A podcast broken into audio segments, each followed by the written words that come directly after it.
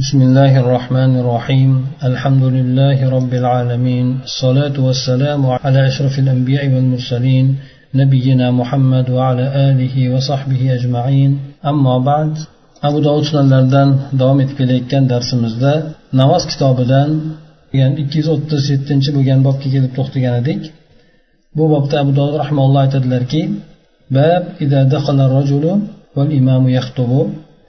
ya'ni bir kishi masjidga kirib kelgan paytida imom xutba qilayotgan bo'lsa bunda nima qiladi tahiyat masjid o'qiydimi yoki bo'lmasa o'qimaydimi bu to'g'risida hadislarni keltirib o'tadi bir ming bir yuz o'n beshinchi bo'lgan hadis bu hadisni jobir ibn abdulloh roziyallohu anhudan rivoyat qilinar ekan bu kishi aytadilar أن رجلا جاء يوم الجمعة والنبي صلى الله عليه وسلم يخطب فقال أصليت يا فلان قال لا قال قم فاركع bu hadisni imom buxoriy va imom muslim ham rivoyat qilgan ekan jobir ibn abdulloh roziyallohu anhu aytadilarki bir odam juma kunida kirib keldi payg'ambar sallallohu alayhi vasallam xutba qilardilar ya'ni masjidga keldi payg'ambar sallallohu alayhi vasallam esa shu vaqtda xutba qilardi shundan keyin payg'ambar sallallohu alayhi vasallam aytdilarki ey palonchi namoz o'qidingmi deb so'radilar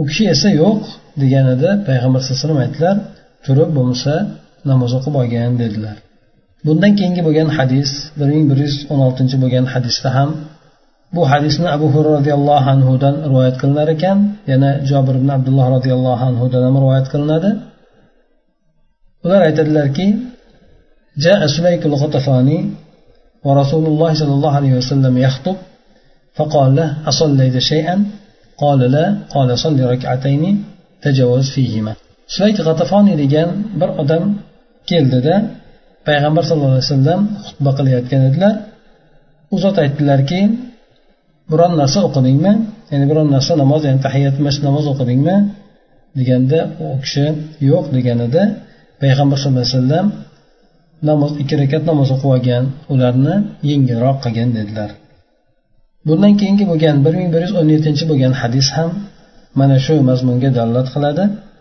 bu hadisni jobir ibn abdulloh roziyallohu anhudan rivoyat qilinadi bu kishi aytadilarki ayni mana shu sulaykni kirib kelganligini zikr qilib aytadilar ثم أقبل على الناس وقال إذا جاء أحدكم والإمام يخطب فليصلي ركعتين يتجاوز فيهما yana bu hadisda ziyoda bor ekanki payg'ambar sallallohu alayhi vasallam keyin odamlarga yuzlandida aytdilarki agar sizlarni birontalaringiz kelsa imom xutba qilayotgan holatda bo'ladigan bo'lsa ham ikki rakat namoz o'qib olsin ularda yengilroq o'qisin dedilar.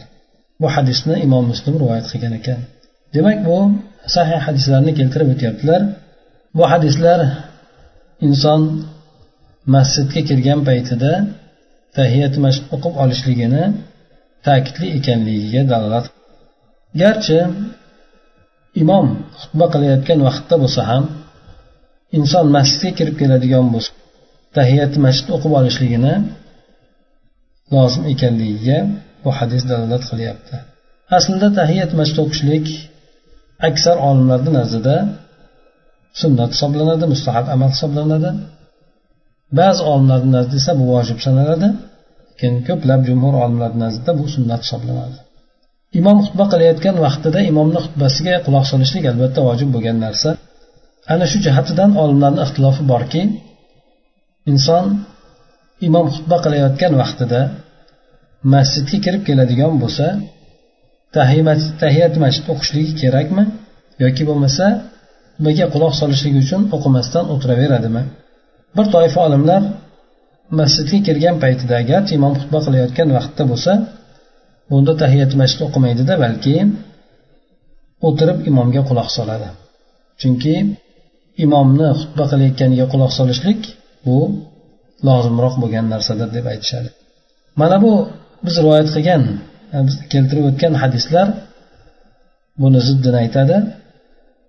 Mana bir odam kirib kelgan paytida payg'ambar sallallohu alayhi vasallam bularni buzib bo'lsa ham ey falonchi namoz o'qib oldingmi? deb so'raganligi e, yo'q deganda turib o'qib olgin deb payg'ambar sallallohu alayhi vasallam unga buyurgan. Mana bu hadis demak payg'ambar alayhissalom o'tirib olgan odamni yoki kirib kelgan odamni namoz o'qimasdan o'tirib olganligi uchun uni odamlarni o'rtasida xutbasini to'xtatib bo'lsa ham namoz o'qishlikka buyurganligi bu bilan esa boshqalarga bu ishni ta'kidliroq ekanligini bayon qilib qo'yishlikni alloh alam iroda qilganlar. Ikkinchi bo'lgan hadisda bir ming bir yuz o'n oltinchi bo'lgan hadisda abu roziyallohu anhu bilan jobir ibn abdulloh roziyallohu anhular aytadilar sulayki g'atafoniy degan odam keldi payg'ambar sallallohu alayhi vasallam xutba qilayotganlar. Sulayk g'atafoniy bu kishi kambag'alroq bo'lgan odam kiyimsiz ya'ni kiyimi ham unaqa bir yupun bo'lgan unaqa yaxshi kiyimi ham yo'q bo'lgan odam kambag'al odam bo'lgan bu kishini payg'ambar sallallohu alayhi vasallam ba'zi e, olimlarni taviliga ko'ra payg'ambar sallallohu alayhi vasallam bu kishini holatini musulmonlarga ko'rsatib qo'ymoqchi bo'ldi. Ya'ni toinki bu odamga ehson qilishliklari uchun. Shuning uchun payg'ambar alayhissalom xutbasini to'xtatib bu odamni namoz o'qib olgin deb shu maqsadda turgizib aytdilarda u odamga xutba qilganda hamma u tomonga qaraydi. Shu bilan odamlarga bu kishini bir holatini ko'rsatib qo'yishlikni iroda qilgan edi. Shunga payg'ambar sallallohu alayhi vasallam bu yerda e, bu odamga o'qib olgin degandi deb e, aytishadi. Aslida inson jumaga kirgan paytda imom xutba qilayotgan bo'lsa tahiyati masjid o'qimasdan xutbaga quloq solib o'tiraveradi. Chunki xutbaga quloq solishlik e, lozimroq bo'lgan ta'kidliroq bo'lgan ishdir deb aytishadi. Lekin bir ming bir yuz o'n yettinchi bo'lgan hadis ularni bu davolarini rad etadi. Chunki bu yerda payg'ambar sallallohu alayhi vasallam aytdilar ochiq suratda aniq oshkor bo'lgan suratda agar sizlarni birontalaringiz kelsa imom xutba qilayotgan bo'lsa ikki rakat namoz o'qib olsin unda yengilroq o'qisin dedi. Bu yerda bu hadisda ayni bir shaxsni payg'ambar sallallohu alayhi vasallam iroda ham qilmadilar umumiy suratda gapni hammaga yo'naltirdilar E, ya'ni agar sizlardan birontalaringiz kelsa keyin bo'lishidan qat'iy nazar imom xutba qilayotgan bo'lsa unda ikki rakat namoz o'qib olsin yengilroq o'qisin dedi. Demak bu yerda u olimlarni aytgan davolari bu hadis bilan bekor bo'lar ekan. Yana undan tashqari to'g'ri jumaga juma xutbasiga quloq solishlik bu albatta ta'kidli bo'lgan narsa. Lekin e, mana bu payg'ambar sallallohu alayhi vasallam odam shu namoz o'qimagan odamni turgizib namoz o'qishlikka buyurishligi undan tashqari yana kim kelsa imom xutba qilayotgan paytida namoz o'qib olsin deb aytgan buyruqlari e, demak bu ham shoriy tomonidan kelgandir. Xutbani xutbaga quloq solishlikni ham shoriy tomonidan kelgan. Odam ikki rakat namoz o'qib olishligi yengilroq qilib o'qib olishligi ham shoriy tomonidan kelgandir. Demak ikkalasida bir biriga ziddiyat yo'q. Inson agar kelib o'tirgan bo'lsa tahiyati masjidni o'qigan bo'lsa albatta bu odam xutbaga quloq solishligi kerak bo'ladi. Endi kelgan odam bo'ladigan bo'lsa tahiyati masjidni o'qib turib keyin o'tirib xutbaga quloq solishligi kerak bo'ladi. Demak bu o'rinda hech qanaqangi bu hadislarni bir biriga ziddiyatligi yo'q balki tahiyati masjid o'zini o'rnida xutbaga quloq solishlik esa undan boshqa o'rinlarda ishlatilishligini bu hadislarda aytib o'tilyapti.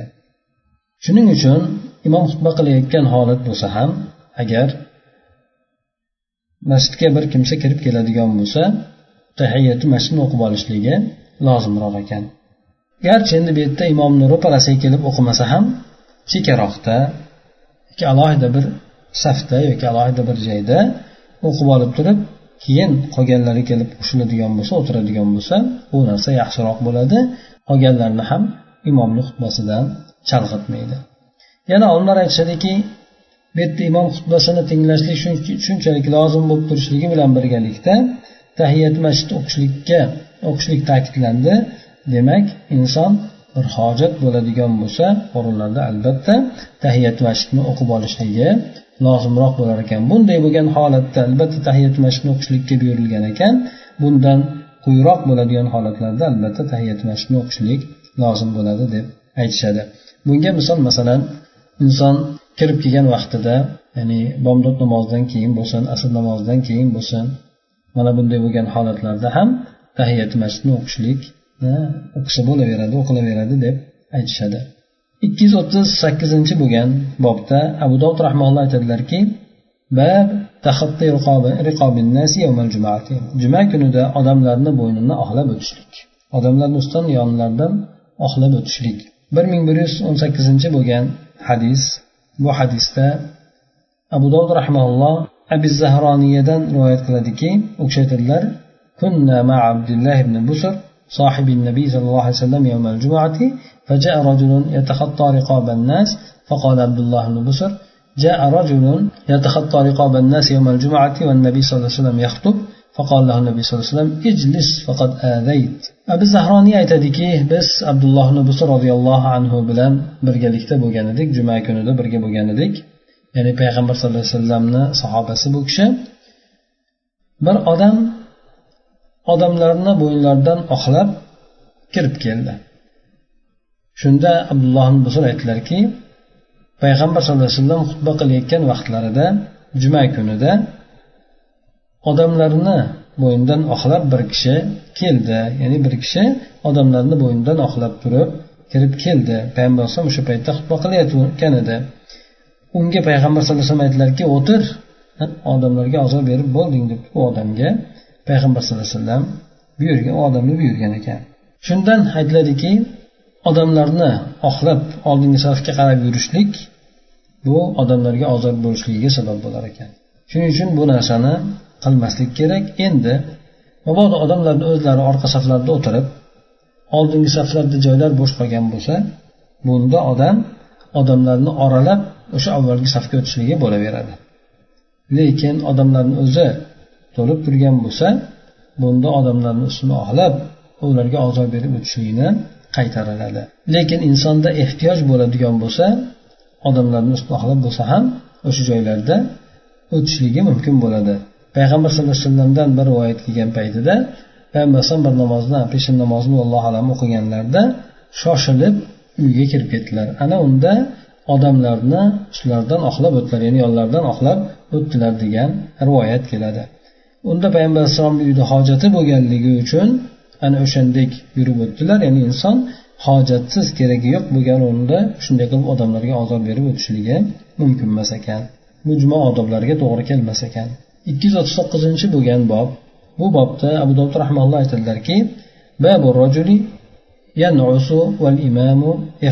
imom xutba qilayotgan paytda bir odam eslab o'tirishligi uyqusirab eslab o'tirishligi ibn umar roziyallohu anhudan rivoyat qilinadiki u kishi aytadilar samiatu rasululloh sollallohu alayhi vasallam yaqul إذا نعس أحدكم وهو في المسجد فليتحول من مجلسه ذلك إلى غير ابن عمر رضي الله عنه aytadilar men rasululloh sollallohu alayhi vasallamni shunday deb aytayotganligini eshitganman.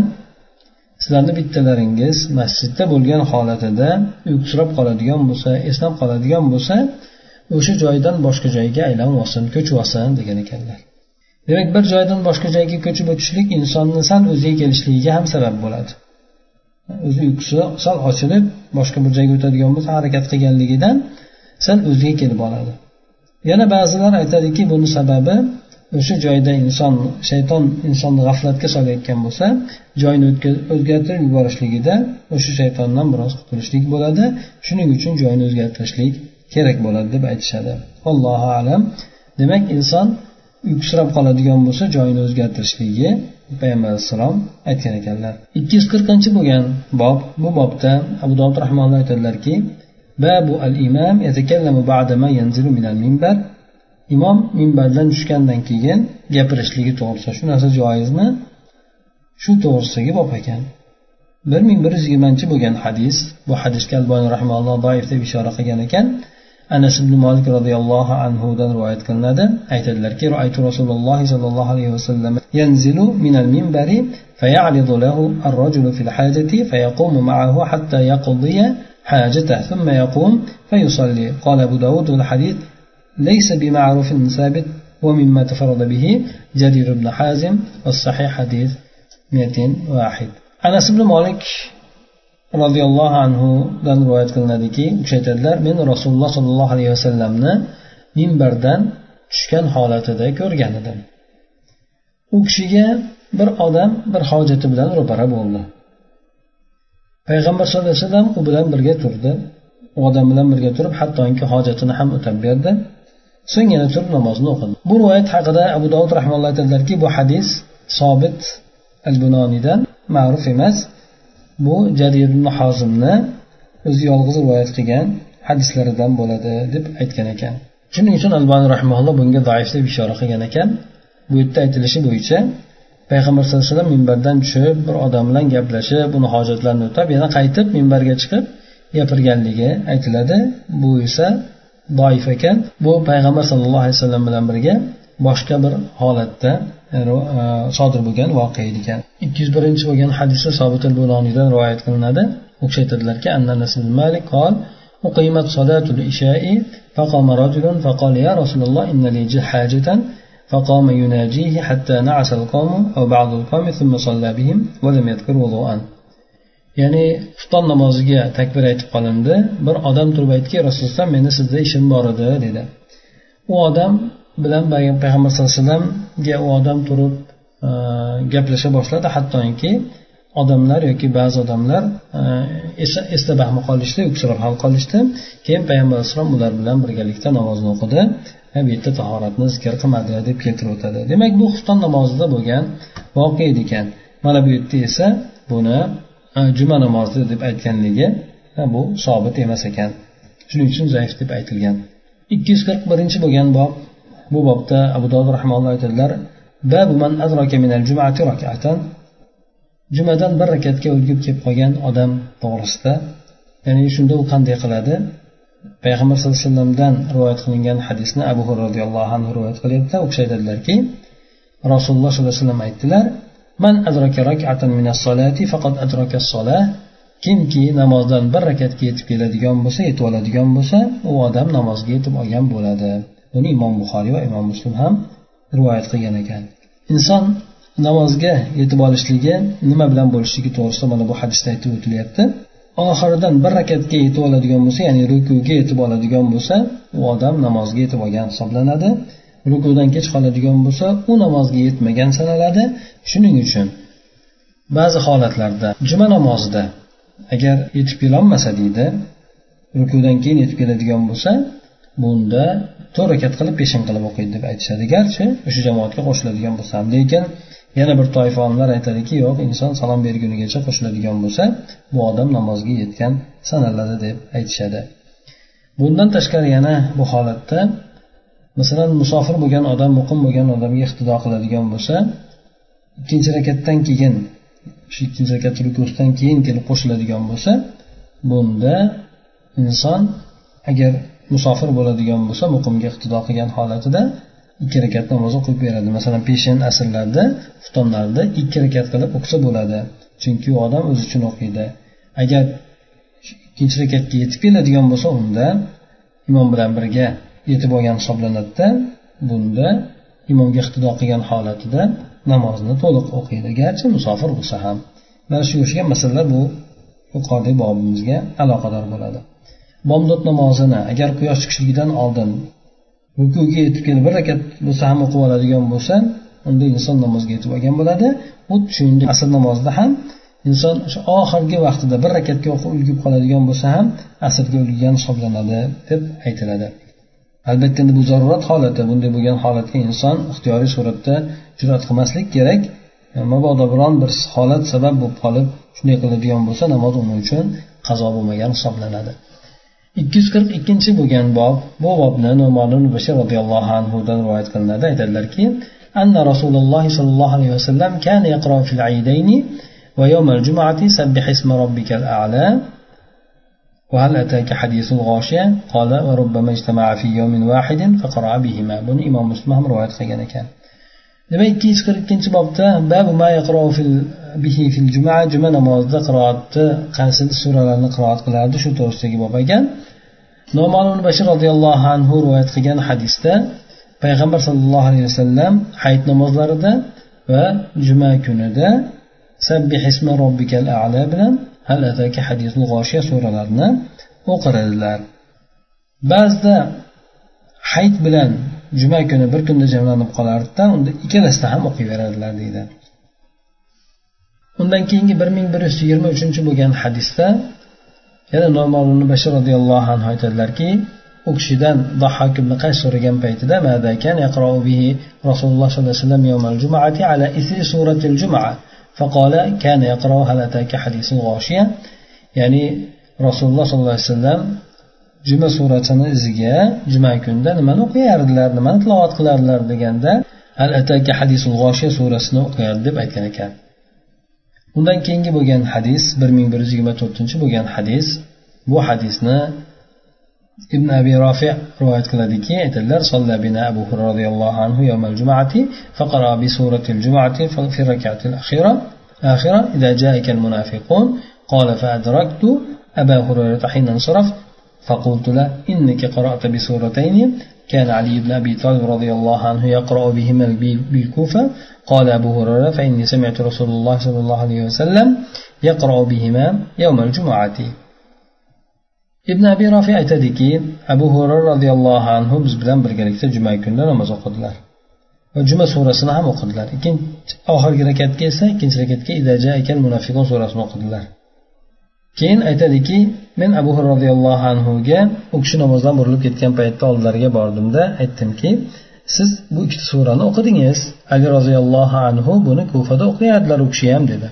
Shunda abu hurra roziyallohu anhu aytdilarki albatta men rasululloh sallallohu alayhi vasallamni juma kunida shu ikkala surani o'qiyotgan holatida eshitganman dedi mana bu hadis ham shu yuqoridagi bo'lgan suralarni juma kunida o'qilayotganligini o'qilayotganligiga ishora qiladi bir ming bir yuz yigirma beshinchi bo'lgan hadisda سمرة جندب رضي الله عنه دن رواية كالنادقي أن رسول الله صلى الله عليه وسلم كان يقرأ في صلاة الجمعة بسبح اسم ربك الأعلى وهل أتاك حديث الغاشية rasululloh sollallohu alayhi vasallam juma namozida sabbih ismi robbikal ala bilan hal ataka hadisul g'oshiya suralarini o'qiyar edi deb keltiradi. Demak mana bu yuqorida o'tgan to'rla hadisimizda payg'ambar sollallohu alayhi vasallam juma kunida juma namoziga qaysi suralarni tilovat qilgan ekanliklari to'g'risida aytib o'tiladi. Bu yerda asosan u kishi o'qigan suralari sabbih isma robbikal ala bilan halataka hadisul g'oshiya surasini o'qigan ekan. Halataka hadisul g'oshiya surasini o'qilishligi bu asosan e, bu surada qiyomat kuni bo'ladigan voqealarni ko'proq aytib o'tilgan. Yana undan keyin insonni eslatma olishlikka koinotga bir qarashlikka koinotdagi bo'lgan narsalardan ibrat olishlikka mana shu narsalarga chaqirib o'tadi. Juma kuni juma namozida juma surasini hamda munofiqun surasini o'qiganligi ham rivoyat qilinadi. Yana bir boshqa bir hadisda juma surasini iziga halatagi hadisul g'oshiyani ham o'qiganligi keladi.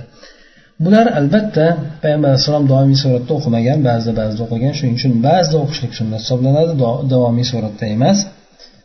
Lekin inson bu yerda mana hasan basr rahmaullohdan ham rivoyat qilinadi inson xohlagan o'sha suralardan o'qisa bo'laveradi deb. Chunki payg'ambar alayhissalomdan keyin abu bakr roziyallohu anhu baqara surasini o'qigan deganligi keladi ikki yuz qirq uchinchi bo'lgan bob bu bobda oysha onamizdan rivoyat qilinadiki u kishi aytadilar صلى رسول الله صلى الله عليه وسلم في حجرته والناس يأتمون به من وراء الحجرة imom buxoriy bundan ko'ra to'liqroq rivoyat qilgan ekan rasululloh sollallohu alayhi vasallam hujralarida o'q namoz o'qidilar odamlar esa hujrani ortidan u kishiga imomlik qilib ergashishardi. Bu yerda payg'ambar alayhisalom hujrasini ichida o'tirganligi hamda odamlar hujrani tashqarisidan u kishi iqtido qilganligi to'g'risida keladi. Bu sahih hadis ekan. Demak o'sha yerda devorni o'rtada to'siq bo'lib turishligi bu narsa namozni safni bo'lib qo'ymas ekan. Albatta saflar bir biriga yaqin bo'lishligi uzilmagan bo'lishligi shu narsa yaxshiroq lekin ehtiyoj seziladigan bo'lsa yoki sunnat namoz bo'ladigan bo'lsa allohu alam. bunday holatni joiz ekanligiga bu ishora qiladi ikki yuz qirq to'rtinchi bo'lgan bob bu bobni abu dovud rahmaulloh aytadilarki juma namozidan keyin namoz o'qishlik to'g'risida juma namozidan keyin sunnat bormi yoki yo'qmi shu mazmundagi bo'lgan hadislarni keltirib o'tadi nofi aytadiki أن ابن عمر رأى رجلا يصلي ركعتين يوم الجمعة في مقامه فدفعه وقال تصلي الجمعة أربعا وكان عبد الله يصلي يوم الجمعة ركعتين في بيته ويقول هكذا فعل رسول الله صلى الله عليه وسلم buni imom buxoriy va imom muslim ham marfu suratda rivoyat qilgan ekan nofiy aytadilarki ibn umar juma kunida o'zini turgan o'rnida ikki rakat namoz o'qiyotgan odamni ko'rib qoldi shunda uni bundan man qildida aytdiki jumani to'rt rakat o'qimoqchimisan dedi o'zi abdulloh ibn umar roziyallohu anhu juma kunida uyda ikki rakat namoz o'qiyar edi va aytadiki payg'ambar sallallohu alayhi vasallam mana shunday qilgan edi deb qo'shib qo'ygan ekan bir ming bir yuz yigirma sakkizinchi bo'lgan hadisda ham ibn umardan rivoyat qilinadi nofiy aytadiki كان ابن عمر يطيل الصلاة قبل الجمعة ويصلي بعدها ركعتين في بيته ويحدث أن رسول الله صلى الله عليه وسلم كان يفعل ذلك ibn umar jumadan oldin namozni uzunroq o'qiyar edi jumadan keyin esa uyida ikki rakat o'qiyar edi aytardiki rasululloh alayhi mana shunday qilardi deb aytganlar bir ming bir yuz yigirma to'qqizinchi bo'lgan hadis bu hadisni nofiy ibn jubayr rivoyat qiladi aytadiki أرسله إلى سعيد بن يزيد ابن أخت نمر يسأله عن شيء رأى منه معاوية في الصلاة فقال صليت معه الجمعة في المقصورة فلما سلمت قمت في مقامي فصليت فلما دخل أرسل إلي فقال لا تعد لما صنعت إذا صليت الجمعة فلا تصلها بصلاة حتى تتكلم أو تخرج فإن نبي الله صلى الله عليه وسلم أمر بذلك ألا توصل صلاة بصلاة حتى تتكلم أو تخرج buni imom muslim ham rivoyat nofi ibn jubayr bu kishi soibni yazid ibn uxtnamir shu kishini oldiga yuborgan ekan. Ya'ni muaviya roziyallohu anhu u kishidan namozda ko'rib qolgan narsa haqida so'rab ya'ni siz sizni namozda nima ko'rgan edi nima degan edi deb turib so'rab odam yuborgan ekan. Aytadiki men maqsurada maqsura ya'ni masjidda alohida bir xonasi deb aytiladi.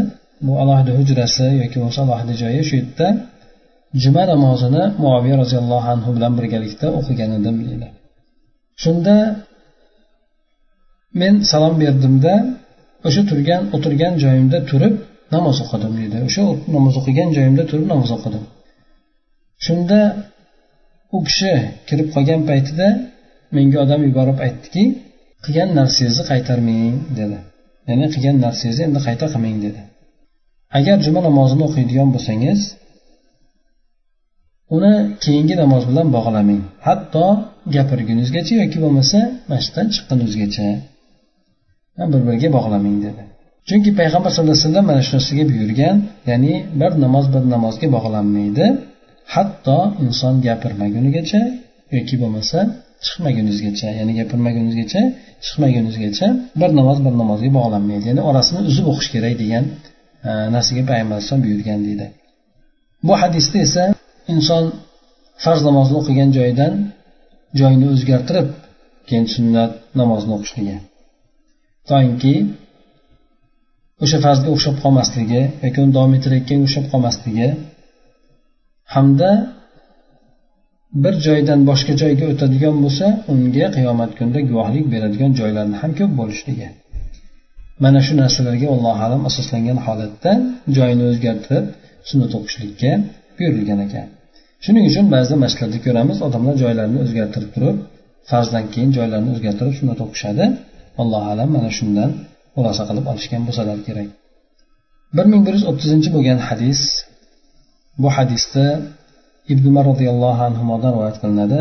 Aytadiki كان إذا مكة كان بمكة فصلى الجمعة تقدم وصلى ركعتين ثم تقدم فصلى أربعا وإذا كان بالمدينة صلى الجمعة ثم رجع إلى بيته فصلى ركعتين ولم يصلي في المسجد فقيل له قال كان رسول الله صلى الله عليه وسلم يفعل ذلك ibn umar roziyallohu anhudan rivoyat qilinadiki u kishi makkada bo'ladigan bo'lsalar makkaga boradigan bo'lsalar juma namozini o'qiganda oldinga o'tib turib ikki rakat o'qiyadilar keyin yana ozroq oldinga o'tib turib to'rt rakat o'qiyar ekanlar. Juma namozidan keyin oldinga o'tib ozroq oldinga o'tib ikki rakat o'qiyar ekan keyin esa uni yana oldinga o'tib turib to'rt rakat o'qiyarlar ekan. Madinada bo'ladigan bo'lsalar jumani o'qib keyin uyga qaytib uyda ikki rakat o'qiyar ekanlar. Namozda bu sunnat namozda jumadan keyin namoz o'qimasdi ekanlar u kishiga bu narsa haqida so'ralgan paytida aytilgan paytida rasululloh sollallohu alayhi vasallam shunday qilardi deb javob bergan ekan. Mana bu yerda inson juma namozidan keyin ikki rakat o'qishligi keyin to'rt rakat o'qishligi kelyapti.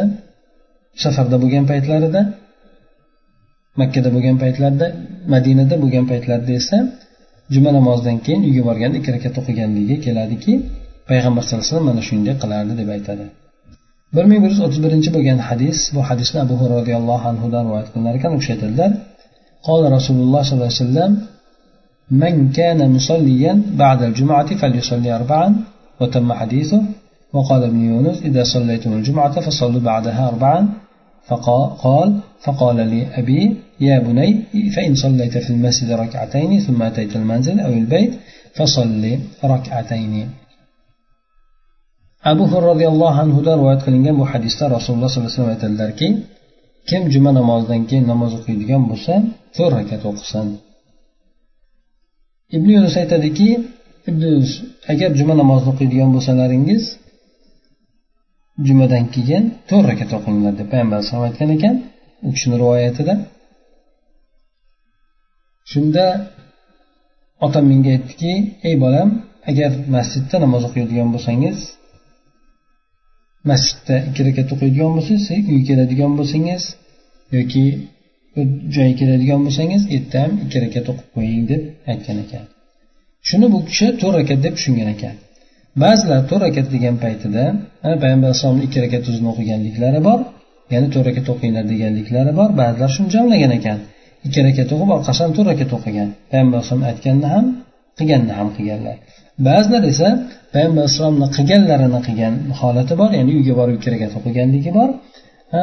Ba'zilar esa payg'ambar alayhissalomni o'sha aytganiga rioya qilganliklari bor to'rt rakat o'qinglar deganda bu yerda o'zi masjidni ichida ikki rakat uyga borganda ikki rakat qilib o'qishlikni ham aytishgan ekan bir ming bir yuz o'ttiz ikkinchi bo'lgan hadisda ibn umar roziyallohu anhudan rivoyat qilinadi aytadilarki كان رسول الله صلى الله عليه وسلم يصلي بعد الجمعة ركعتين في بيته قال أبو داود وكذلك رواه عبد الله بن دينار عن ابن عمر bu imom muslim rivoyat qilgan ekan buxoriy ham mana shu ma'nosida rivoyat qilgan ekan rasululloh sollallohu alayhi vasallam jumadan keyin uyda ikki rakat namoz o'qiyardilar bu hadisda demak yuqorida ham aytib o'tildi payg'ambar alayhisalom jumadan keyin ikki rakat uyda sunnat o'qiganligi keladi endi bir ming bir yuz o'ttiz uchinchi bo'lgan hadisda esa ato ibn abi robohdan rivoyat qilinadiki annahu ra'a ibn umar yusalli ba'da al-jum'ati fayannazu an musallahu alladhi salla fihi al-jum'ata qalilan ghayra kathir قال فيركع ركعتين قال ثم يمشي أنفس من ذلك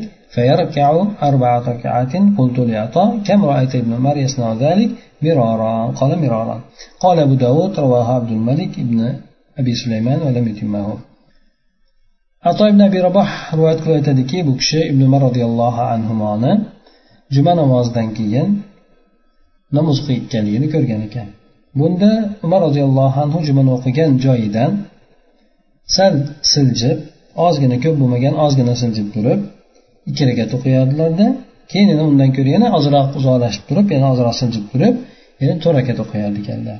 Bu albatta ato ibn abi raboh makkada bo'lganlar bu makkadagi bo'lgan ibn umarni holatini qilgan ishini sifatlab beryapti.